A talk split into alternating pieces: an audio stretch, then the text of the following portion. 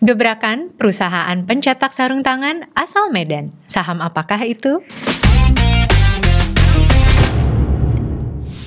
Kali ini kita telah memilih satu saham dari sektor basic industry yang telah mencatatkan kenaikan hingga 100% dalam kurun satu tahun. Di samping itu, walaupun COVID telah melanda di Indonesia, perusahaan ini tetap berhasil membukukan net profit. Saham apakah itu? Langsung saja kita tanya Kevin Suryajaya, Research Analyst Mirai Aset Sekuritas Indonesia. Hai Kevin. Hai Mbak Lia. Nah, hari ini kita akan membahas satu saham dengan kode emiten MARK nih. Ini perusahaan apa? Mungkin bisa diceritakan oleh Kevin? Jadi perusahaan Mark ini adalah uh, produsen uh, cetakan tangan. Cetakan tangannya ada nitril latex, ada juga yang untuk medical latex, ada yang household latex, dan juga bisa uh, custom made gitu. Perusahaan ini uh, didirikan dari tahun 2003, domisilinya ada di Medan. Oke, jadi sebenarnya udah belasan tahun hmm. dan lucu banget ya untuk industri cetakan tangan yang ini pertama kali sebenarnya saya dengar. Iya. Nah, jika perusahaan ini telah berdiri sejak 2003, tapi kapan sebenarnya Mark ini mulai melantai di bursa?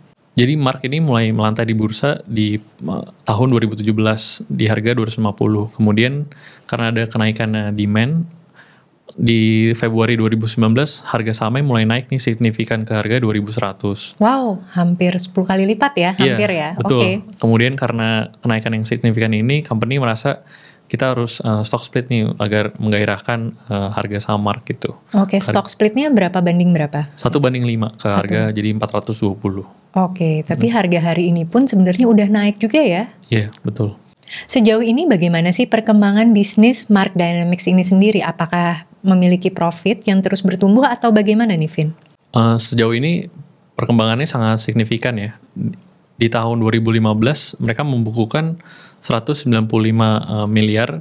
Kemudian untuk kemarin latestnya 2020 sudah membukukan 565 miliar sekitar tiga kali itu pertumbuhannya. Tiga kali lipat hanya dalam jangka waktu lima tahun saja ya? Iya betul. Tadi terkait sales, tapi mm -hmm. tentu berbeda dengan net profitnya nih. Bagaimana pertumbuhan net profit Mark Dynamics ini, Vin?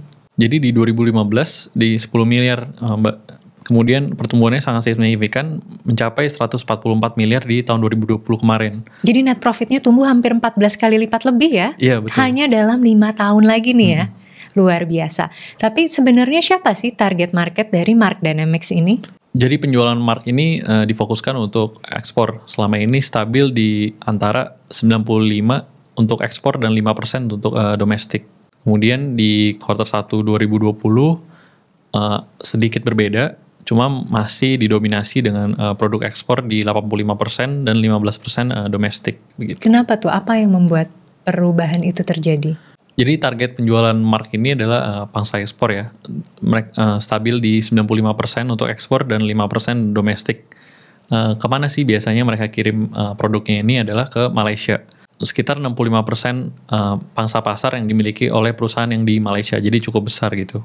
Oke, jadi Malaysia ini fokus utamanya ya, mm -mm. dan berarti heavy dependency kepada pasar Malaysia. Iya. Bagaimana Mark Dynamics menghadapi tantangan COVID yang terjadi sepanjang tahun 2020 kemarin?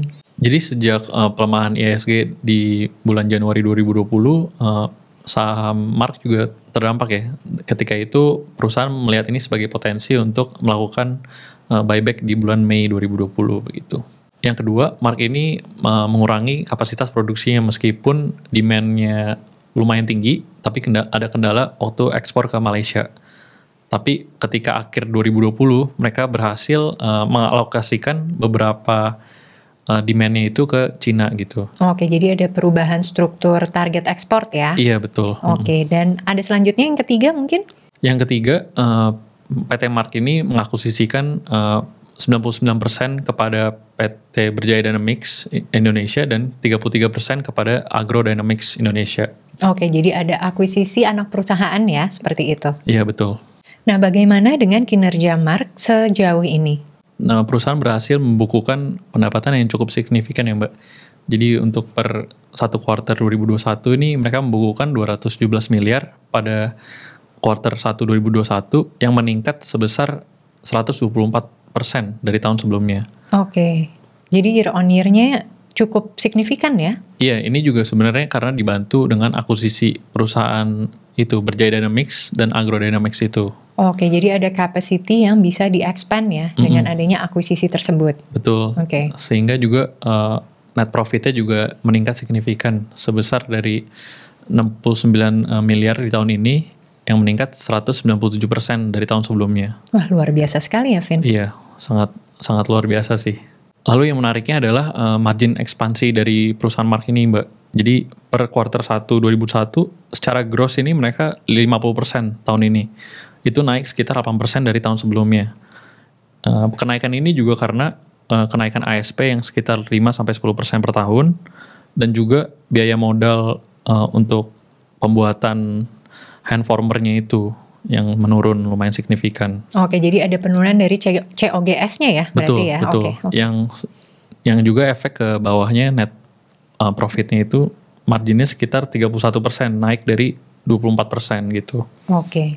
Luar biasa sekali ya perkembangan Mark ini sepanjang 2020 bahkan juga di awal kuartal 1 2021 tetap mencatatkan kenaikan yang positif. Tapi sebenarnya ada faktor apa sih yang mendorong hal ini sampai bisa terjadi? Jadi sejak COVID-19 masyarakat jadi lebih memprioritaskan uh, kesehatan Uh, sehingga juga uh, demand untuk uh, sarung tangan itu berdampak terhadap performance dari perusahaan Mark ini. Memangnya seberapa besar sih peranan Mark ini dalam industri cetakan sarung tangan di dunia? Hmm, Mark ini sekarang di posisinya ada di top 3 untuk pasokan uh, global cetakan tangan gitu seluruh dunia. Nggak disangka-sangka ya, ternyata ada nih ya market untuk industri cetakan tangan ya. Iya betul, jadi nggak heran ya kalau misalnya klien dari Mark ini adalah produsen-produsen besar internasional seperti Harta Lega, Top Gloves, Kosan, dan Seritang. Nah, tadi kan Kevin juga menceritakan tuh kalau Mark ini juga berusaha masuk ke pasar China nih. Bagaimana dengan klien-klien di pasar China? Iya betul, Uh, jadi Mark berhasil menembus pasar China uh, dan mendapatkan uh, produsen-produsen besar di China seperti Inco, Blue Cell, dan lainnya. Sebagai tambahan, di tahun 2020, Mark nih berhasil mencatatkan uh, pendapatan tertingginya uh, sepanjang masa gitu. Oke, jadi maksudnya salesnya nih paling all time high gitu All time ya? high, betul, ya. Oke, di angka berapa nih? 565 miliar, naiknya sekitar 56% year Dan on ini year. justru terjadi ketika pandemi ya. Iya, betul. Dengan kinerja Mark yang terus bertumbuh positif dan sepertinya memiliki potential outlook yang juga positif, Hmm. bagaimana strategi bisnis Mark di tahun 2021 ini? Memang di 2020 akhir kemarin, eh, produksi mereka itu mencapai 800 ribu eh, pieces eh, per bulan. Mhm. Tapi kemudian mereka melakukan eh, terus melakukan ekspansi Eh, di tahun 2001 quarter 1 kemarin ini sudah mencapai eh, 1.200 eh, pieces. Oke, jadi ada kenaikan kapasitas produksi hampir 50% ya? Iya betul dan kemudian untuk second half ini juga mereka menargetkan menargetkan eh, 1,4 juta pieces per bulan gitu. Jadi memang strategi bisnis Mark di tahun 2021 ini lebih ke arah kapasitas produksi ya? Betul. Jadi eh, di atas kapasitas produksi yang terus bertambah, marginnya juga yang tadi saya sudah sebutkan terus eh, naik. Jadi saham ini sangat menarik gitu. Dengan pertumbuhan profit yang konsisten, apakah Mark ini juga rajin membagikan dividen untuk para pemegang sahamnya? Jadi saham Mark ini eh, menariknya juga mereka sangat konsisten membagikan dividen kepada investor dengan payout ratio yang konsisten eh, di 30%. Oh, cukup besar ya? Mm-mm. Dan dengan estimasi net profit di 137 miliar tahun 2021, ini yieldnya sekitar 1,5 persen. Oke, baik. Nah, bagaimana nih valuasi dan rekomendasi untuk saham Mark ini, Vin? Eh, saat ini, Mark diperdagangkan di 930 rupiah per lembar saham. Dengan estimasi profit 137 miliar, eh, PI-nya itu 12,7 kali. Dengan asumsi eh, penjualan yang solid dan margin yang eh, tetap eh, konstan di tahun 2001, kita perkirakan Mark ini layak diinvestasi untuk jangka panjang. Oke, dengan rekomendasi investment for long term ya, Vin ya? Iya, betul. Oke, baik. Terima kasih banyak ya, Vin, atas analisa dan insight terkait saham Mark Dynamics ini. Sama-sama, Mbak Lia. Memang industri cetakan sarung tangan masih terdengar awam untuk kita bagi para investor. Tapi siapa sangka pertumbuhan net profit dan omset yang terus konsisten bertumbuh bisa menjadi daya tarik sendiri.